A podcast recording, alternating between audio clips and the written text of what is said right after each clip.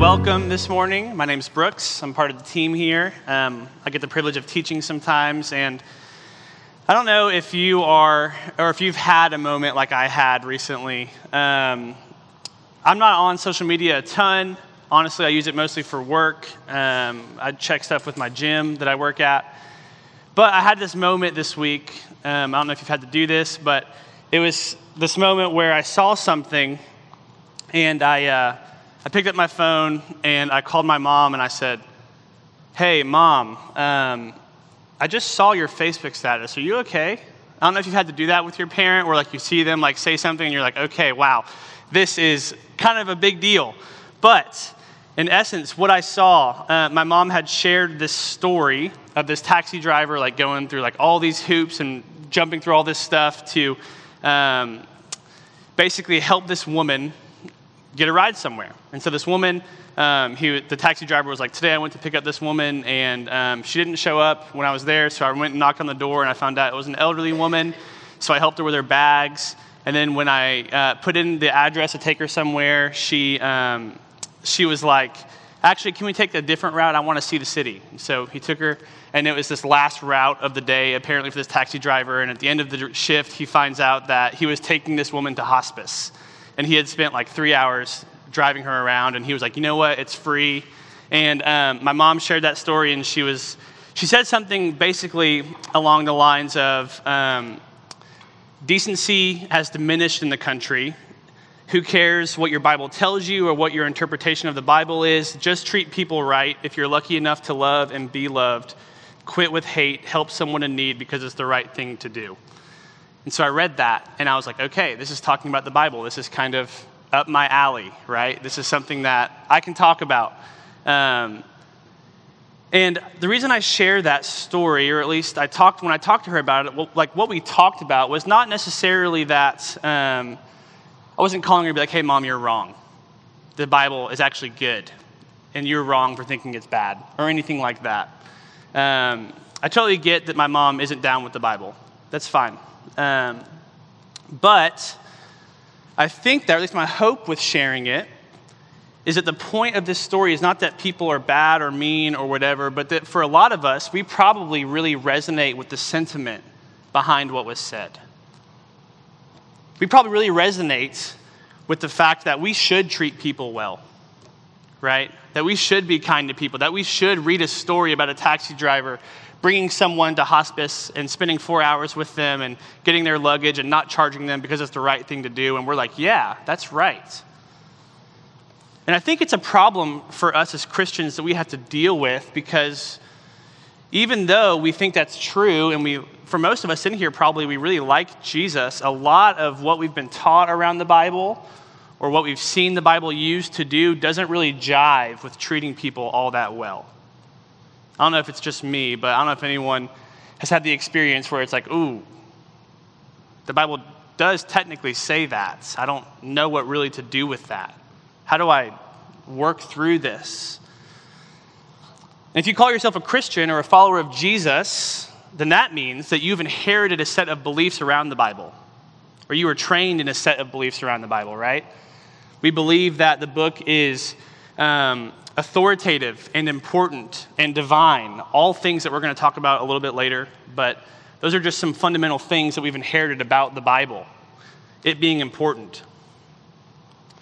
See, it's a problem, I think, that on a day as significant in our country as today is, Juneteenth, if you're not familiar with Juneteenth, it's the history or the day that marks kind of the legal emancipation of slaves. Um, it's a real problem that the Bible is still primarily seen for many people as something that was used to support slavery and something that says a lot of stuff about how we shouldn't take any of the corrective action a lot of people want to take to right some of the wrongs that our country has been dealing with since Juneteenth first started. There is no escaping the trail of dirt left behind, the evil, harmful, and tragic tragic acts that have been done under this kind of saying of, well, the Bible says, right? I'm sure you've experienced people who maybe come to you as a Christian and they're like, whoa, what about this? What about these people who use the Bible for this? I think as Christians, we can't escape that and we can't hide from it. I think we have to actually learn how to deal with it, to learn from what has happened in the past and the mistakes we've made, and to prayerfully figure out how we can read the scriptures better and better learn to apply the Bible to the situations it was intended to be applied to, and to use the Bible on the Bible's terms. So that's kind of my goal for today, all right? Um, the past three weeks, we talked about God the Father, Jesus the Son, and the Holy Spirit. We're kind of doing like a, almost like a Christianity 101, I guess, um, kind of foundational things. And so this morning, we're going to talk about the Bible because despite the jaded history around users of the Bible, in my opinion, this is just me, there is no book that has been more influential for invoking change in the world slave abolitionists. The same Bible that was used to support and justify slavery was a like big book huge moment of conviction for slave, for slave abolitionists. Human rights innovators, all throughout our history, women have achieved remarkable things, and they were all acting out of a conviction based off of the words they read on these pages. So, what do we do with it? How do we read it? What do we read it for? This week, when we were in teaching team, Matt reminded me of an amazing moment in the story where um, it's the gospel, um, I believe Matthew and Jesus is telling, or Luke actually, it's telling the story of the Good Samaritan, right? And it starts, the story of the Good Samaritan begins with someone who's referred to as an expert on the law. Now, whenever it says expert on the law, a law was often used as a kind of shorthand way to reference the Hebrew scriptures or the Old Testament which I'm going to use interchangeably today, okay? For us as Christians, we refer to it as the Old Testament. For Jewish people, this is their Bible, right? So I refer to it kind of just interchangeably. So if I say Hebrew scriptures, I mean Old Testament. But um, someone who's an expert in the law, which law was kind of shorthand for just saying the scriptures, um, he stands up and it says that he was looking to test Jesus. So he asks Jesus a question, and what does Jesus reply? He says, What does the law say? And then he clarifies that question How do you read it? It's an amazing moment where Jesus turns everything we think we know kind of on its head and he says, This all boils down to how do you read this? I think the challenge is um, the same one for us here as Christians. So, with that out of the way, what is the Bible? Well, I can't answer everything about it. I really can't. I wish I could. I wish I was prepared enough and smart enough to be like, all right, what's every question you have? Um, we're actually doing like an eight week class on the Bible immediately after church on Sundays, but we have a little bit of break for lunch. But um, if you are interested in it, it's right here uh, upstairs at 1230, 1245 ish. Only two weeks in, so it's still pretty new, but it's been amazing for me at least. I heard um, I actually I shared a podcast with someone and this morning. They came to me and they said, "Thanks for ruining my entire worldview of life." So um, I think it's been good. I don't know. That wasn't my goal necessarily, but um, what is it? Like I said, I can't answer everything. I can't give an exhaustive definition that would answer every little fi- uh, minute detail. But generally, it is a collection of 66 different books written by numerous authors that for the majority of its history was passed down orally or copied into various manuscripts and assembled together deliberately with a purpose across thousands of years as a partnership between God and humanity, and it tells a unified story that all points to Jesus. It's a big, long definition, but it covers most of the bases. And a lot of that language and thinking around it, it's taken from the Bible Project particularly their podcast with Tim Mackie, Jon Collins, and Chris Quinn. So I just want to give them credit for a ton because um, if you're interested in it, they have something called a paradigm series, and it's like 12 to 13 hours of just Bible content looking at what is the Bible. So we're going to talk about, from a lot of that today. All right, so I just wanted to give them credit up front. Um, but that is kind of what the Bible is.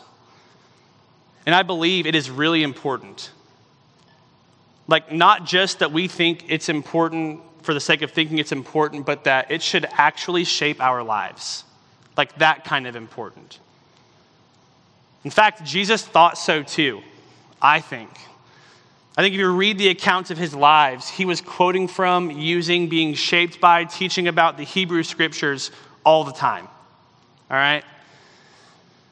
In fact, he referenced himself as the fulfillment of the entire Hebrew scriptures in the Sermon on the Mount. He says, I did not come to abolish or do away with the law, which again, shorthand for the Hebrew scriptures or Old Testament. He says, I am the fulfillment of them. In other words, all of this points to me. It's a big claim, right? So, um, Jesus thinks they're important. I think we should think they're important. And I don't necessarily think that them being important means that they have to be an obstacle or that the Bible has to be an obstacle to treating people well.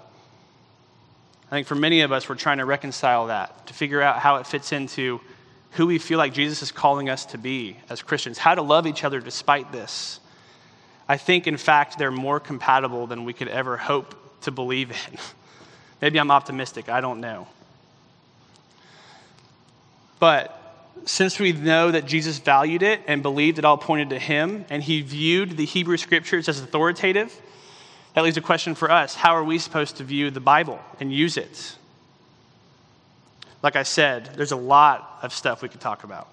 We could talk about inspiration, inerrancy, infallibility, which are all just theological words you talk about in seminary. And basically, if you go to seminary, it's just a bunch of people pontificating about stuff they think they know when everyone's just kind of like, I have no idea what's going on. All right? Um, but I don't think that's what any of us in here are really after. Like, despite the legitimacy of some of our questions, and we do want to answer them. So if you have like a question that you really want answered, put it in the connect box. Like, we would love to go over them. We're going to dedicate some time to answering questions people have. But despite that, I don't think that me answering the rational questions about the Bible necessarily is like going to be the most revelatory thing about Sunday morning. I don't think that if I called my mom and tried to apologetically argue to her why the Bible is actually trustworthy and not supposed to be used like that, it really would have changed much of her mind, to be honest. I think that we need a better vision of the Bible and how it perfectly accomplishes its goal to tell a unified story that points to Jesus and how he is the, f- the fulfillment of our need for rescue from the grips of sin and death. And if we can believe that and fall in love with that, then we can learn to accept and trust everything else about it on its own terms. That's just my conviction this morning. Much like a couple weeks ago, I didn't think that we needed a whole like Christology 101 teaching on Jesus. I think we needed to see him as the light of the world, which darkness has not overcome. So, with that being said, I want to acknowledge some of the things that get in our way from reading Scripture well. What I think is reading Scripture well, at least. Some of these even stem from a passage in Scripture primarily 2 timothy 3.16 does anybody know this verse? Has anybody ever heard this verse or used this verse right? All scripture is inspired and profitable god breathed useful for teaching however you want to say it. There's like 15 different translations i just used right there. But the basic premise scripture is god breathed right? It's inspired by god. It's profitable for teaching all of it. So before i talk about how to read the bible or how to better see it for what it is i wanted to acknowledge a little of what i don't think it is personally all right I don't think 2 Timothy, Timothy 3 means that we have received the Bible like the Bible tells us Moses received the Ten Commandments. Is anybody familiar with the story of how that happened? Moses goes up on Mount Sinai, a cloud covers it. Israel's down at the bottom of Mount Sinai doing all kinds of who knows what, right? And God is like, Moses, these are the Ten Commandments, write them down. And the Bible tells us that Moses wrote them down. And so he comes down from this mountain with golden tablets of God's words, verbatim and commands for Israel. So I think that for a lot of us, we were taught that the Bible was kind of given to humanity much like this. That someone somewhere, sometime, went up on a mountain and they came down, and here it was, the Holy Scriptures. And we needed to think of them like this because 2 Timothy 3, 3.16 says all scripture is God-breathed. The problem with that view, I think, is, is that it neglects so much of what the Bible testifies about itself. See, I believe that the Bible is a partnership between humanity and God to tell a unified story that points to Jesus.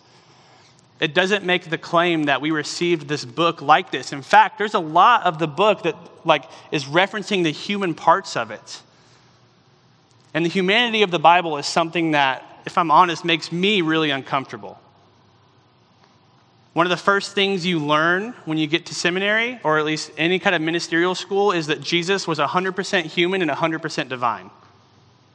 I don't know if y'all have ever heard that or heard that teaching anywhere, but it is a fundamental, like, Orthodox Christian belief that Jesus cannot be 50 50. He has to be 100 100. How it works, I have no idea. No one does, right? It's kind of like trying to describe the Trinity. If you try, you're going to commit heresy, right? But we as a Christian group have become more comfortable with the idea that Jesus possessed more humanity than our Bible. We can affirm mentally that Jesus was 100% both, but when it comes to the Bible, because of 2 Timothy 3:16, we leave no room for the human touches, even though the authors of the Bible don't try to hide their fingerprints. There are so many instances where the authors of Scripture will say, like, um, Baruch decided that I needed to write all of this down, so I went back and I wrote all this down. And it's like, okay, clearly someone had some agency in there, right? So, with that being said, I just wanted to address that because I think, particularly in what is referenced as the Bible Belt, we may have some baggage with this collection of books, right? We may have some ways that we have been taught to think about it that aren't even necessarily intended to be harmful or malicious, but we're taught that something is black and white that contains a lot of gray. And then the minute someone comes in and tries to propose something that maybe isn't exactly how it like was taught to us growing up, the faith that we're standing on feels like it's shaking. And it feels like the only option is to either resist what we're being told and say that it has to be totally wrong, or we have to throw everything out because what we were taught can't be that true. So I don't think the scriptures claim this about themselves. I think if you read it, for yourself. Like, really, like, open it up, read it. You will see so many instances where the authors of the Bible were given so much beautiful agency. It's an amazing thing. So, with that kind of just a general like clarifier out of the way, there are three paradigms that I think, as Christians, and this is mainly for Christians, right? There are three paradigms I think that we bring to the Bible when we try to read the Bible that are less than complete or maybe not as helpful. If you're in the Bible class, you've talked about this with us some, but um, paradigm is the Greek word is paradigmato, which is the word that was described of a blueprint for an architect. So the paradigmato, an architect would reference it and they would say, This is how I'm going to build what I'm trying to build. So think of it as like a way of our brain, a blueprint our brain uses to understand something. That's a paradigm. All right? It's a tool we use. So I think there are three primary paradigms that we as Christians have used with the Bible that are incomplete. They're not bad, they're not all wrong. I think they're actually all part of the truth, but I think they're an incomplete blueprint. It's kind of like trying to build a house and only having a blueprint of a kitchen. Right? If you just build a kitchen, it's not going to be very useful. It's going to get rained on, you're going to have rats in there all the time, it's going to be horrible. We need an entire full blueprint to fully understand something we want to be. So, first one um, is that the Bible is primarily a theological and honestly, most recently, political kind of reference book. So basically, the idea behind this is that the Bible's primary use is that we have a question, say about, I don't know, the afterlife. We go to the glossary of the Bible, we look up afterlife, and then we form a view based off of just a sample reading of the first verse that we come to, right? This is the primary purpose of the Bible. And this is not the Bible's intended purpose if it is a unified story that points to Jesus. All right? Uh, it has theological truth in there, no doubt. It definitely has truth about how we should interact with people, right? Polis, Greek word, city, how we should interact with our city. But it is not something to flip through and find a quick, kind of one sentence zinger that's going to beat our opponent in a theological or political debate. All right? Second paradigm that's less than helpful is that it is primarily a moral guidebook. The Bible is full of morality. It is also full of stories where we are supposed to, as the reader, read and reflect on what is true and what is God teaching us about it without necessarily having to be the kind of thing that happens, be a prescription. So there's two different types of literature descriptive and prescriptive, right? There's a lot more literature, but for the Bible, there's descriptive and prescriptive, right? There's a lot that's descriptive in that it's telling us something that happened, and our job is to parse out what that means. That doesn't mean it's prescriptive for us that is prescribing us what to do. So I don't know if that's helpful. Be free, I guess. Um, but the third thing, and this is the thing that I struggle with most, still do to this day, is that the Bible is a devotional grab bag. And the point of the Bible is to sit, to read it, and to grab in there, pull out a devotional experience, and have your day changed. I don't know if you've ever read a lot of the Old Testament. There's a lot in there that I'm not reaching in and pulling out a feel good devotional experience, right? There's a lot in there that, quite frankly, I read and I'm like, God, what is happening? Who, who wrote this, right? So, those are three paradigms I think we use that are less than complete. They all contain parts of the truth, right? The Bible can be devotional. You can read it and you can just fall on your knees and be like, God, you are so wonderful. I cannot believe there's anyone like you in the universe. There are other times where you can read it and you can be like, I don't know, what's, what's on TV? What just happened, right? So, with that in mind, I wanted to give eight pillars from that podcast, of the Bible Project, that I think build a better paradigm. Okay? This is my proposal to you of what I think is a more faithful and true paradigm. There's eight pillars for it. So if you're a notes person, I don't usually do this, but here's eight things.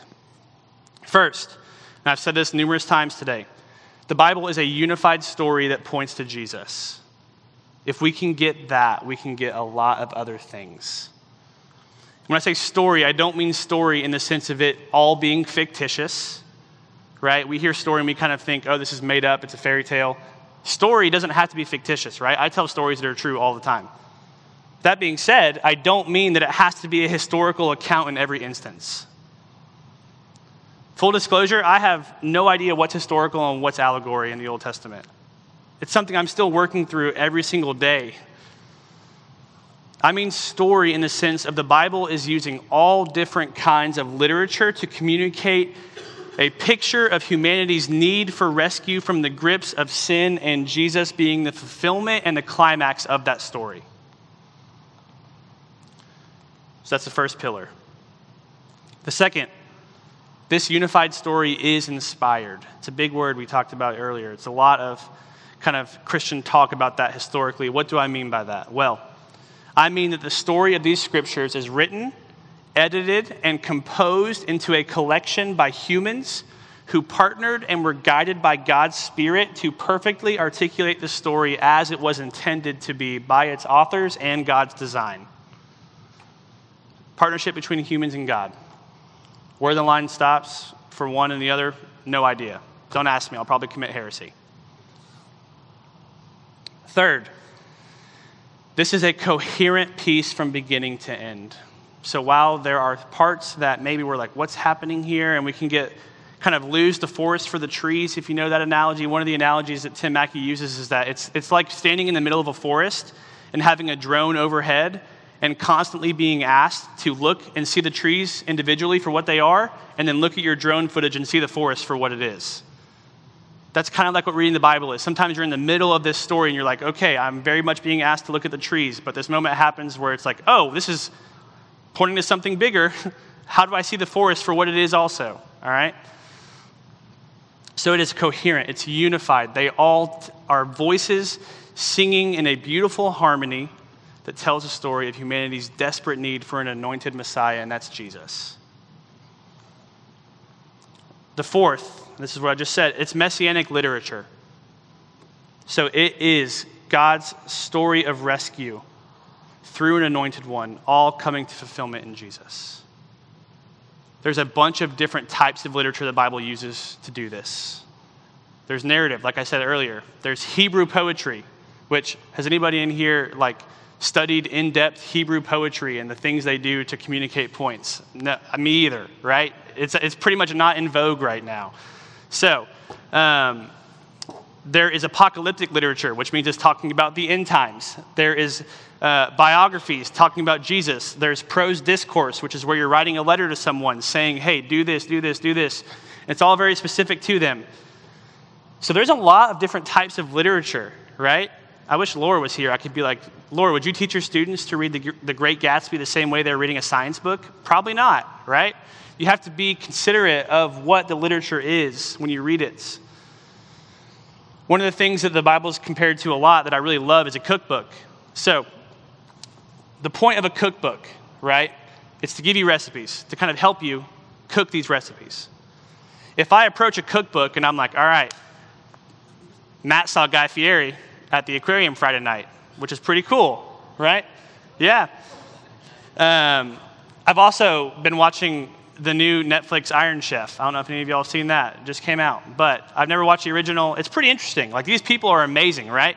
They get given a random ingredient and they're like, okay, cook with um, milk. And literally, me and maybe we were watching it and we were like, how do they think through five dishes with only being told, use milk? It doesn't make any sense to me. You know why? Because I am not an expert in cooking, right?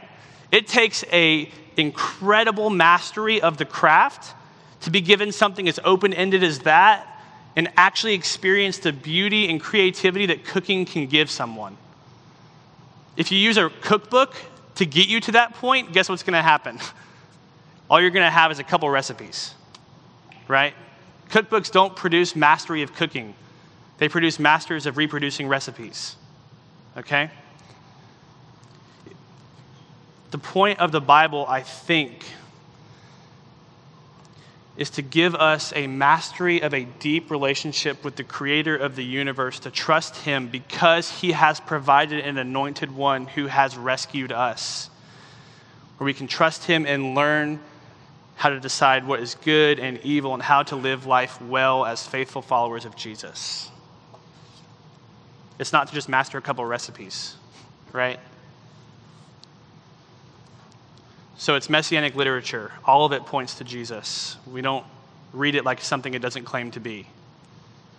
Fifth, it is artistic meditation literature, which I asked earlier about Hebrew poetry. How many of you are familiar with Jewish meditation practices and literature? Probably not a lot, because I am not either, right? We're thousands, if not more, years removed from this. But Jewish meditation literature, what they did.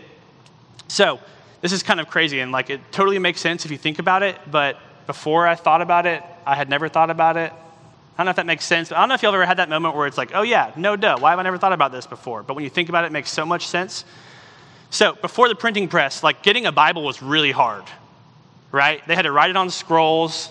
It took a ton of effort, time, money. Like people didn't have Bibles, right? Now we have 16,000 translations on our phone for free, right?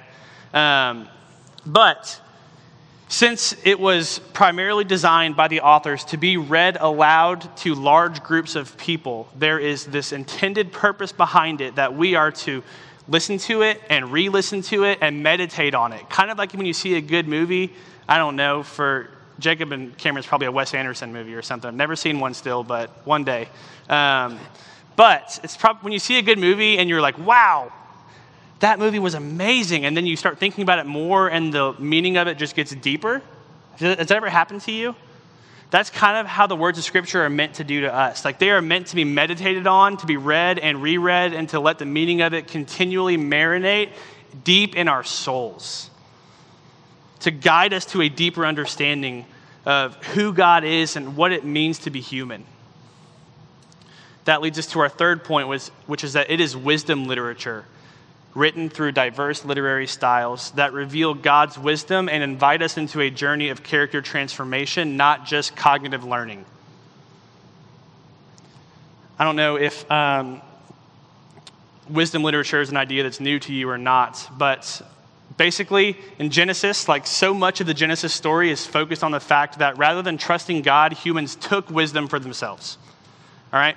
There's all this wordplay in the story of Solomon in the Old Testament. I don't know if you're familiar with it, but he can ask for anything.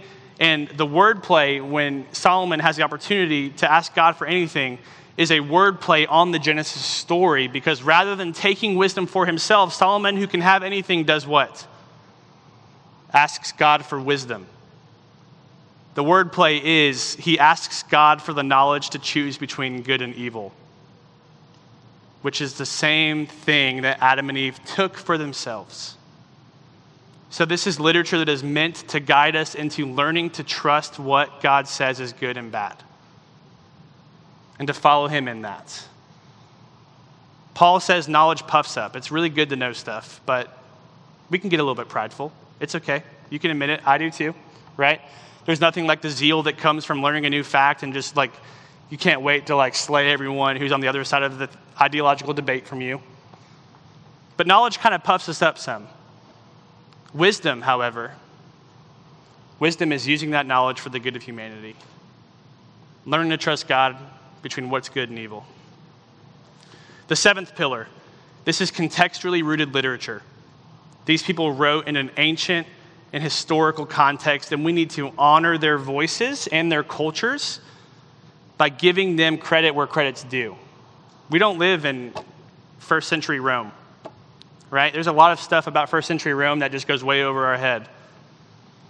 It's not necessarily good or bad, sometimes it has values to it, but we're not there. So we need to give the authors the credit of learning about their ancient historical context when we read their words they were written in. And then the last one this is communal literature. So this was meant to be read, like I said, to large groups of people, which means that the Word of God is meant to be discerned together. All right? The option of reading your Bible alone on Signal Mountain because it's beautiful with just you and Jesus, that, like, for a lot of us who, like, if we grew up in a certain period of time, that was the pinnacle of spirituality, right? Like, if you woke up and you went to Signal Mountain and read your Bible alone, it was like you are crushing it, right? Well, guess what? Uh, that wasn't an option for 99% of people who have been either a Christian or Jewish throughout history, right? They didn't have reproduced Bibles. They were meant to be read together and listened to together and discussed together. This is a word for a community of people it is wisdom for communities of people to learn together. So, those are the eight pillars that I think are a better paradigm, a better blueprint for reading the Bible. And this paradigm, I think, partnered with the power of the Holy Spirit that Matt taught about last week, where Ezra was holding a hose waiting for the water to get warm. It never did, right? That, partner with the Holy Spirit, and the help and the encouragement of our community, I think that these things can help us encounter the story of Jesus that is written for all of humanity to learn how to trust God's understanding of what's good and what's bad.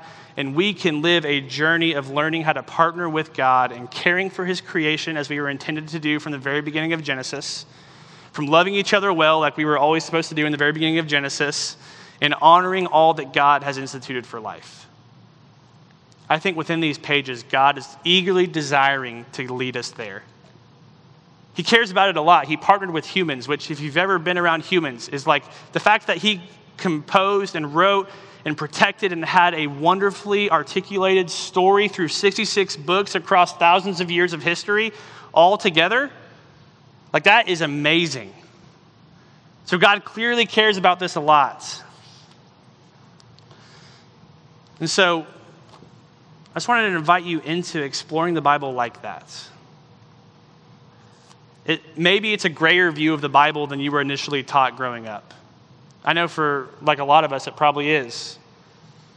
But I think it's a much deeper understanding of Scripture that's not only deeper, but it's just more in line with what the Bible says about itself and what the communities around the Bible have said about it for the majority of human history. See, I think the Bible has the potential to be used and experienced for amazing things, and it's extremely important. We love the Bible. And even when we read parts that, let's be honest, are difficult for us to learn how to love, right? Or we don't know what to do with, or we don't see how they point to Jesus or have any relevance, we want to be a community that is constantly seeking how to practice humility together, and how to let God guide us in the path of wisdom as we receive it from Him rather than taking it for ourselves. that is the prominent theme in Scripture that points to the need we put ourselves in of a Savior. And yet, Scripture again answers that need with Jesus. So, with that being said, I wanted to read a passage from Isaiah. This is what the prophet saw. And I think it's beautiful because it points us to where we're headed. Like these, this is the ultimate trajectory of the Bible, the fulfillment, where we're headed towards. Because of the work Jesus accomplished, this is where we're going. Listen to this. This is what Isaiah, son of Amos, saw concerning Judah and Jerusalem. In the last days, the mountain of the Lord's temple will be established as the highest of the mountains. It will be exalted above the hills, and all nations will stream to it. Many peoples will come and say, Come, let us go up the mountain to the mountain of the Lord, to the temple of the God of Jacob. He will teach us his ways so that we may walk in his paths. The law will go out from Zion, the word of the Lord from Jerusalem. He will judge between the nations, and, and he will settle disputes for many peoples. The people will beat their swords into plowshares and their spears into pruning hooks, because nation will not take up sword against nation, nor will they train for war anymore. Come, descendants of Jacob, let us walk in the light of the Lord. When I think of what the Bible can be for us, my hope and prayer is that it can be that invitation for us as a gathered people to come and to walk in the light of the Lord together. I think that's what it wants to do for us. So let's pray, and then we'll head to communion. Father, thank you for, um, for this morning, for the opportunity to learn about um, the scriptures that you have guided for your people. God, your Bible is complex. There's a lot to it. But I think it's really, really important. And so I pray that you would help us to see that and to trust that. And that you would be faithful as you promised to be to guide us into the paths of understanding as your children. God, use the words written on these pages to transform us, to guide us into the paths of true life. Let it be true of us that we're not like that expert in the law who tried to test you who knew the scriptures but didn't know how to read them. God, give us the wisdom to read them well, to live well, to love well. Thank you. I pray this in your name. Amen.